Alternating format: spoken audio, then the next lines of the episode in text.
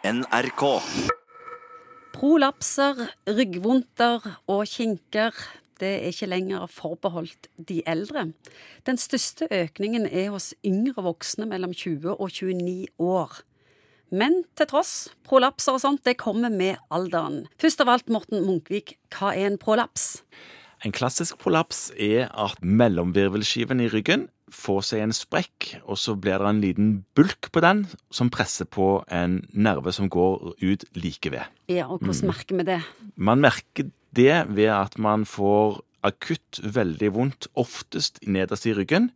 Men det kan òg være oppi nakken. Det kan òg være prolapser i nakken. Det er liksom de to plassene prolapsene liker seg best, da, i nakken og nederst i ryggen. Og Da blir det akutt veldig vondt, og så vil et prolaps som merker godt, presse på en sånn spinalnerve, som skal da nederst i ryggen, helt ned til tærne med nerveforsyningen sin. Så da stråler smertene ned, helt ned i tåen. Hørtes herlig ut. Ja, Det er gysla vondt for de som har opplevd det. Prolaps, det eneste symptomet er smerte. Akutt innsettende smerter som ofte stråler ut. Og kinker. En kink er ofte en sånn muskulær rift eller eh, en sene som kanskje har eh, brista litt, og da vil det være en blødning, kanskje, eh, og trigging av kroppens naturlige inflammasjonssystem som gjør vondt, skikkelig vondt. Et ordentlig sånn skink, et hekseskudd, det kan jo legge folk i seng i flere dager, og du klarer ikke å bruke kroppen i det hele tatt.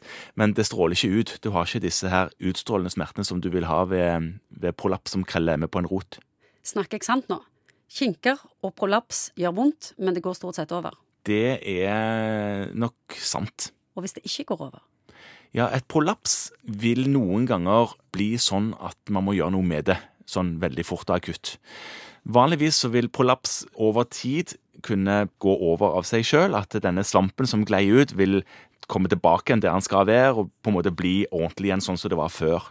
Men noen ganger så vil prolapset klemme såpass hardt på en nerverot at du får problemer med muskelkraften, holde deg når du skal på toalettet, at du ikke kjenner når du tørker deg etter at du har vært på do, det som heter en ridebukseanestesi.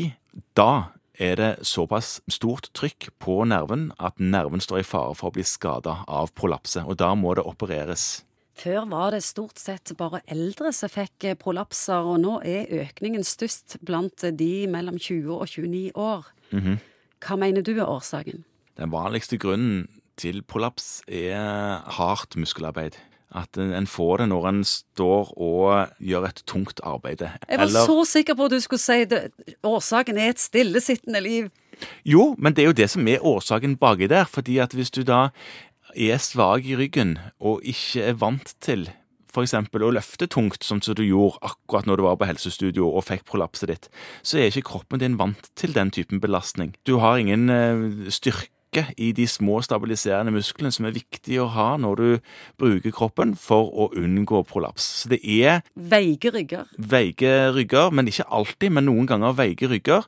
Og da er det jo ikke snakk om å trene sånne store, sterke, svære muskelgrupper. Det er de små stabiliserende musklene som man trener ved kjernemuskulaturstrening og sånne ting som det, som stadig er blitt mer og mer populært å trene, heldigvis.